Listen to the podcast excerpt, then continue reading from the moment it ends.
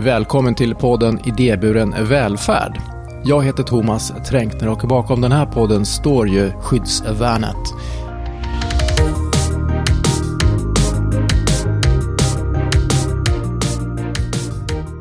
Idag ska du få träffa Bojan Bristina. Han är med mig. Hej! Hej! Hur är läget? Det är bra. Du kommer ju från eh, samarbetsorganet för etniska organisationer i Sverige. SIOS, där du är organisationssekreterare. Ja, det stämmer. Om vi skulle bara kort beskriva, vad är SIOS för någonting? För det här är någon nationell eh, organisation va, som verkar över hela Sverige. Ja, SIOS är ett uh, unikt, uh, får man ändå säga, projekt uh, där ett stort antal då etniska riksorganisationer, alltså etniska minoriteter, har gått ihop för i år 50 år sedan Eh, för att bilda en paraplyorganisation eh, för att kunna då eh, bevaka sina gemensamma intressen. Och det är 22 organisationer i nuläget då. Allt från, från Gambiska riksförbundet till uh, Kinesiska riksförbundet. Det, det är alla möjliga finns med. Ja, vi kommer in lite mer på det här med vad diskriminering är. För att det handlar ju mycket, det hand, såklart det handlar om olika, var folk kommer ifrån och här i Sverige, men det kan ju vara andra skäl också. Men hur stort är det här? Hur, hur stort är den här verksamheten? Det är som sagt 22 riksförbund. Um, om man ska titta på alla riksförbundens föreningar och deras individmedlemmar så kommer vi upp i ja, 40-45 000 uh, personer. Och uh, hur kom det sig att det här började för 50 år sedan? Det fanns ett intresse av, eh, av de, eh, framförallt för 50 år sedan, när vi pratar och pratade om arbetskraftsinvandring. Och de människorna som kom hit eh, och blev inbjudna då till Sverige för att arbeta behövde mötas någonstans för att kunna bevara, bevara sin kultur och för att kunna prata sitt språk. Det är viktigt för en. Det ser vi också på, på det sättet att det finns ju svenska föreningar runt om i världen. Svenska kyrkan finns överallt runt i världen. Så det finns ju ett behov för människor att bevara sin identitet. Så de här människorna träffades, bildade föreningar, först lokala föreningar, därefter uh, bildade de föreningarna riksförbund och därefter de här olika etniska riksförbunden kom på att de har gemensamma att, de, att det finns gemensamma, minsta gemensamma nämnare som de skulle kunna bevaka mycket effektivare tillsammans än om de gjorde det var för sig. Och sen det här med antidiskriminering. Det finns ju, är det 18 olika eh, föreningar som jobbar med antidiskriminering, speciellt då Stockholm Syd, som du kanske också... Ja, för att lägga lite kontext vad vi ja. pratar om, det är att eh, Sios driver, som en av sina verksamheter, driver också en antidiskrimineringsbyrå och har gjort det i 20 år. Uh, och det finns 18 sådana byråer som drivs i lite olika regi. Uh, ett stort antal drivs av till exempel uh, studieförbundet Census, några drivs av andra aktörer, men den byrån som är då ansvarig för verksamhetsområdet södra Storstockholm är eh, SIOS antidiskrimineringsbyrå, det vill säga antidiskrimineringsbyrån Stockholm Syd. Ja, och det finns eh, ett par till här i Stockholmsområdet va? Det finns två till. Det finns Civil Rights Defenders och sen så finns det antidiskrimineringsbyrån Stockholm Norra som har då centrala och norra Stockholm respektive i sina verksamhetsområden. Mm. Men åter till dig Bojan, hur kommer det sig att du håller på med det här? Om vi skulle gå in på lite grann vad, vem du är och vad du har för bakgrund.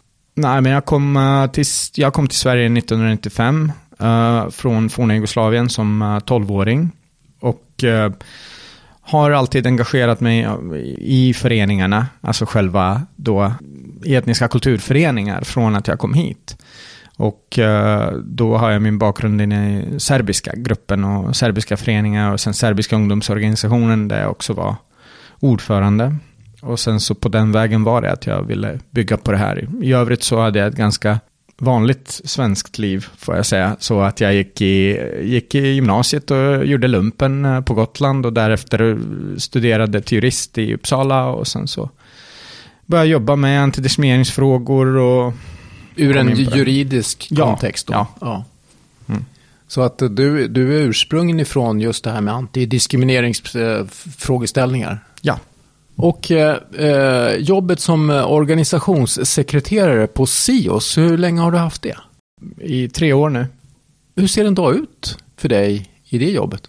Vi är ett väldigt litet kansli, så jag ska säga så här ärligt med det, jag gör allt. Nästan allt. Hur många är ni på kansliet? Uh, vi är bara fyra personer. Ja. Så det, det nästan allt uh, ingår från datasupport uh, om någonting pajar. För vi, vi har inte, det är ingen resursstark, alltså ekonomiskt resursstark uh, organisation. Så allt får man ju liksom hitta på lösningar hela tiden. Och det är otroligt roligt och väldigt utmanande och bitvis frustrerande. Men jag gör precis allt från att svara på, alltså dels om du säger vad gör jag i vardagen? Ja, det kommer in otroliga mängder e-mails och förfrågningar och uh, möten och samverkan och allt möjligt. Uh, sen givetvis inom ramen för antidiskrimineringsbyrån, den kom, det kommer ärenden, alltså människor som har diskrimineringsfrågor som vi hjälper kostnadsfritt, som vill ha juridisk rådgivning. Och det kommer utbildningsförfrågningar och det löser vi också. Uh, för, för antidiskrimineringsverksamheten vilar på två ben. Det ena mottagande verksamheten uh, och rådgivande verksamheten och det andra är opinionsbildande och utbildande verksamheten. Så det, det gör vi också. När man läser om SIOS så, står det så här att uh, ni vill verka för ett mångkulturellt samhälle med uppgift att driva språk, kultur, utbildning och andra minoritetspolitiska frågor som är gemensamma för medlemmarna. Ja. Och det, det är i princip det du pratar om. Ja. ja, alltså nu har ju mycket hänt sen Sios bildades för 50 år sedan. 50 år sedan så fanns det, så var ungefär, uh, hade ungefär 5 eller 6 procent av Sveriges befolkning hade en annan etnisk bakgrund än den svenska då. Ja. Och nu är vi uppe i 30-35 procent. Så otroligt mycket har ju, har ju ändrats och de här frågorna har blivit ännu mer aktuella, får man ändå säga. Så jag tror att det är väldigt, väldigt viktiga och bra frågor uh, om hur vi ska göra ett gemensamt samhällsbygge. När den här aspekten av våra identiteter, som givetvis inte för alla är den absolut viktigaste uh, aspekten av deras identitet, men det är ändå en, en, en viktig aspekt det här med vilken etnicitet, vilken kultur man tillhör. Uh, den, den grejen är ju där och vi behöver ju samsas kring det. Om vi ska komma tillbaka till det här med diskriminering och eh, det finns faktiskt en lag eh, som stödjer den här verksamheten, eller hur? Mm. Ja, lagen, lagen finns ju där. Eh, diskrimineringslagen eh, är eh, viktig och eh, är ett led i de åtaganden då som Sverige har internationellt gentemot EU och gentemot eh, i andra sammanhang så, så behöv, måste vi lagstifta och, och jobba mot diskriminering då. Mm. Och det handlar ju om, nu läser jag lite grann till här, när en person särbehandlas på ett negativt sätt, alltså missgynnas på grund av en eller flera av eh, de här diskrimineringsgrunderna som finns nämnda i lagen. Mm. Är det ett stort problem i Sverige jämfört med andra länder i vår närhet? Uh, det är svårt att säga. Uh, jämfört med Norge eller Danmark eller Finland, ja, om man tar de länderna som är i vår närhet så, så är det det finns skillnader. Uh, jag tror att uh, problemet är ganska ansenligt om vi tittar på till exempel diskrimineringen av uh, barn som, som på grund av olika funktionsnedsättningar far illa i skolan och inte får den hjälp och vård de behöver om jag tittar på dem då. Så är det ju ganska mycket som inte fungerar. Generellt sett, jag önskar någon från liksom funkisrörelsen, om vi säger så, var här. Uh, som kunde prata, de är så otroligt animerade och passionerade just för att vi har i Sverige tjatat oss tokiga i decennier över hur man borde göra massa anpassningsåtgärder till exempel. Men det görs faktiskt inte och det är det som det som kännetecknar Sverige är en, är en eh, ganska skev självbild där vi har en otroligt progressiv, ofta, retorik men uh, när det kommer till verkstad, när det kommer till att faktiskt skapa förutsättningar och verkställa saker så, så drar vi otroligt mycket på fötterna och får ständigt eh, uh, påpassningar mm, från internationella eh, alltså, uh, organisationer som EU eller andra som är med som pekar, påpekar helt enkelt att vi inte lever upp till dem och varför, varför lever vi inte upp till dem? Och varför drar vi på fötterna med det här? Tror du? Jag tror att eh, dels så kostar vissa av de här grejerna pengar. Och dels så finns det en ideologisk politisk dimension i det. Uh, där av någon outgrundlig anledning så har frågor som rör grundläggande mänskliga rättigheter politiseras i Sverige som vänster-höger axelfrågor. Vilket jag tycker är absurt i ett, i ett demokratiskt samhälle. Kan du ge exempel på det? Ja, men att, uh, att, det, att partier diskuterar, till exempel i nuläget, huruvida uh, kampen mot diskriminering ska få vara eller inte. Som att, att diskriminera folk på grund av deras funktionsnedsättning eller deras uh, sexuella identitet eller vad det nu kan vara, uh, kön, som att det ska vara okej okay, på något sätt. Alltså som att det finns en verklighet, det finns en politisk, uh, det finns en politisk linje inom det demokratiska spektrumet där det ska vara okej okay att disk diskriminera människor. Och det är absurt, det stämmer ju inte. Det, alltså, det går inte ihop med demokratins grundläggande idéer. Varför har det blivit så här?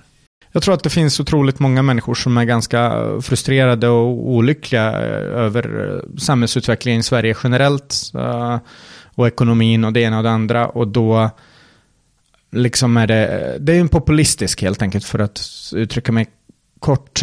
Det finns en ådra av, av reaktionär, någon form av ja, men, populistisk anda där, där folk upplever att det, det, pratas för mycket om de här frågorna och för lite om, om liksom folkets, vanliga folkets frågor. Och då, då används ju det av politiker för att det är ingen hemlighet att ja, mycket av politiken är ganska cyniskt spel om makt och resurser.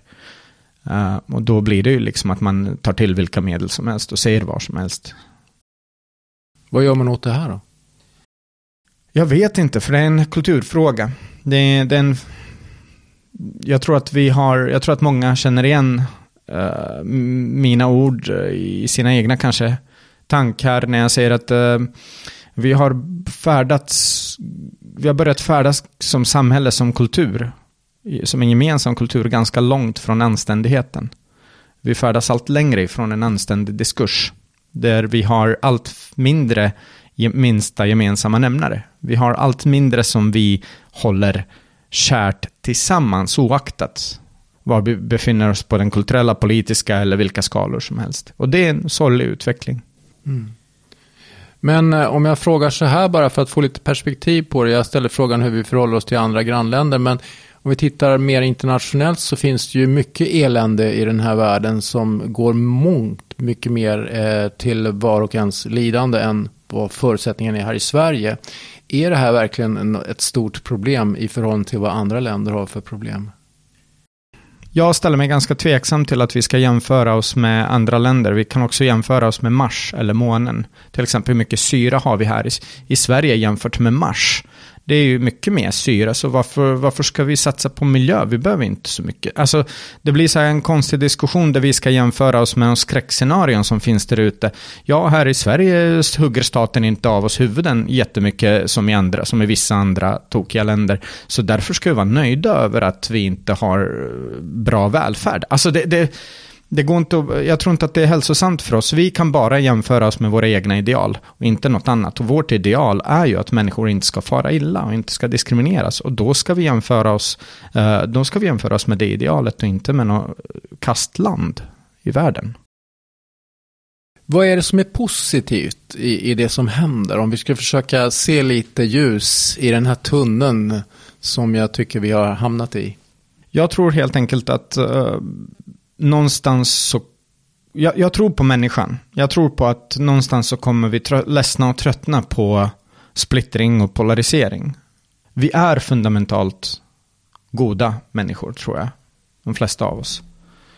Men jag tror att uh, ofta blir vi vilseledda att se problemet i varandra.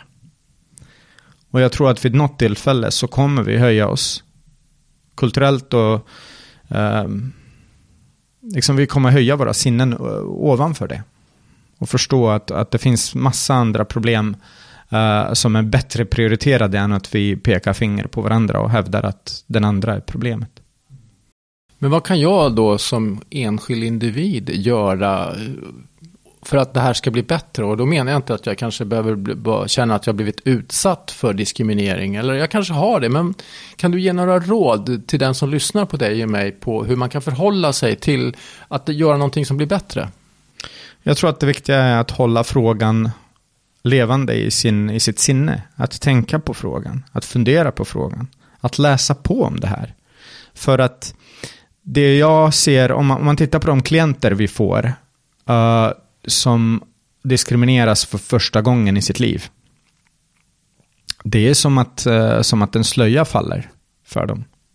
Det är som att de förstod inte att, att, att det fanns något problem innan de själva drabbades av det. Och då är de ju chockade över hur dåligt systemet fungerar för dem. Uh, det funkar jättebra medan allt går bra. Sen när det blir fel, då funkar det inte alls. Och då blir de ju eh, helt chockade. Folk är i chock. Och jag tror att det där behöver, behöver var och en av oss fundera på. Dels kanske i sina olika roller i livet. Om man nu sitter på en arbetsplats eller om man är i en förening eller vad, vad man än ägnar sig åt. Så bör man fundera lite kring hur förhåller jag mig till uh, de personer runt omkring mig som jag har ansvar för. För vi har alla ansvar för varandra. Och sen om man är den som då riskerar att bli utsatt så gäller det att ha koll på sina rättigheter och ha koll på uh, att prata om det också i en diskurs av, av hur vill vi ha det gemensamt? Vill vi ha uh, någon form av kastsamhälle där människor har, uh, har det sämre baserat på saker de inte kontrollerar? Den diskursen, att ha koll på sina rättigheter, ha koll på hur man kan söka hjälp, komma till oss uh, på de här olika antidiskrimineringsbyråerna eller diskrimineringsombudsmannen eller vad det nu finns för, för möjligheter att få hjälp. Fackförbunden har en extremt viktig roll också i det. Samarbetar du mycket med dem? Ja, alltså nu är vi ju som sagt en liten, liten verksamhet så vi har inte alltid ork att oavbrutet engagera alla våra samarbetspartners. Men vi har samarbetat med uh, flera uh, fackförbund uh, kring både utbildningsinsatser och, och annat. Och då har det handlat om fler, alltså med IF Metall och Vision och uh, flera av de här LO-anslutna uh, eh, eh, förbunden då. Vi ska också säga att Antidiskrimineringsbyrån Stockholm Syd har ett samarbete med andra organisationer, till exempel den myndigheten för ungdoms och civilsamhällsfrågor och Botkyrka kommun. Är det så även i andra föreningar andra antidiskrimineringsföreningar runt om i Sverige. Att de har Jajamän. samarbeten hit och Jajamän. Uh, av de här 18 uh, så är det väl 14 tror jag som har uh, samar lokala samarbeten med de kommunerna där de befinner sig. Där de också uppbär en, en ekonom ett ekonomiskt stöd för att uh, rikta särskilda insatser mot kommunerna. Och kommun, både invånarna och anställda inom kommunen för att inte prata om de här mer, eh, även lokala samarbeten med lokala civilsamhället och andra aktörer och, och verksamheter som, som arbetar i samma anda. Uh, och det här samarbetet med kommunerna är i uh, synnerhet viktigt. För att kommunen är oftast den största arbetsgivaren i kommunen. och kommunen är också inte bara arbetsgivare, det är också en samhällsleverantör Alltså samhället levereras av kommunen, inte av staten generellt sett.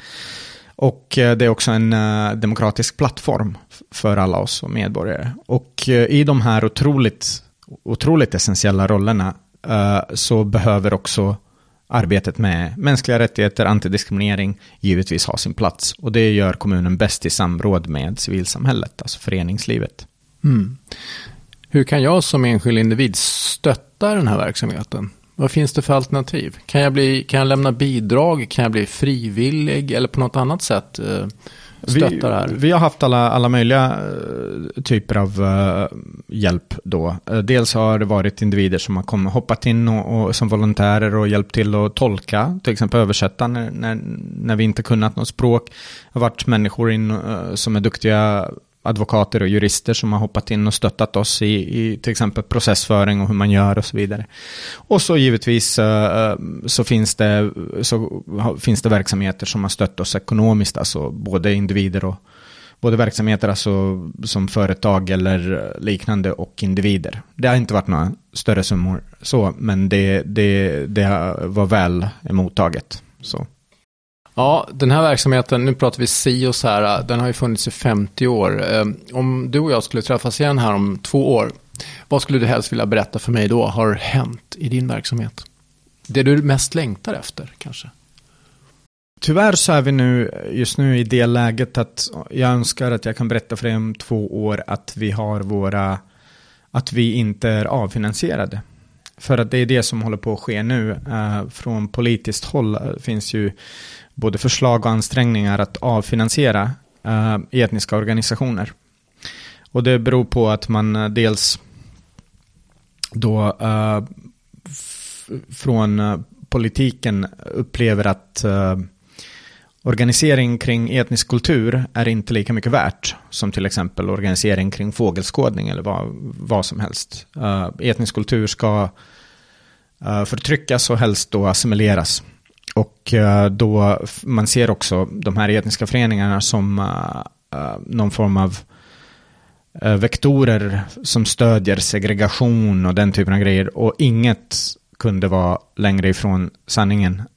Det är bokstavligen diametralt från all, all forskning, all kunskap som finns på området visar på att människor integreras bättre och mår bättre om de har också utrymme för sina egna då ursprungliga identiteter.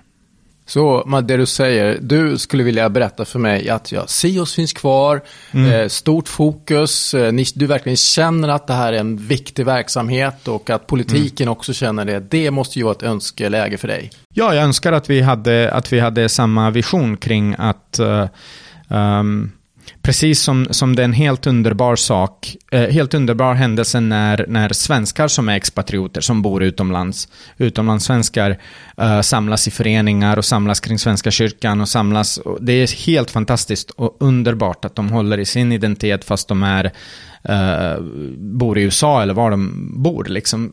Den inställningen och den känslan vill vi också ha som, som kommer från andra länder ursprungligen och är trivs jättebra i Sverige, men kanske vill dansa någon liten folkdans eh, någon gång och eh, eh, prata det språket som vi växte upp med någon gång i, med andra i ett sammanhang.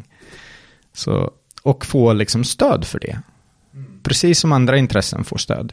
Ja, se träden i skogen helt enkelt. Ja, exakt. Och eh, jag menar, vi är ju nu här och har varit här länge och vi är en del av Sveriges historia. Ja, vi är också en del av Sveriges föreningshistoria. Uh, vår äldsta lokala förening uh, som är med hos oss är äldre än 110 år. Det är italienska föreningen i Stockholm. En av de italienska föreningarna, det finns fler.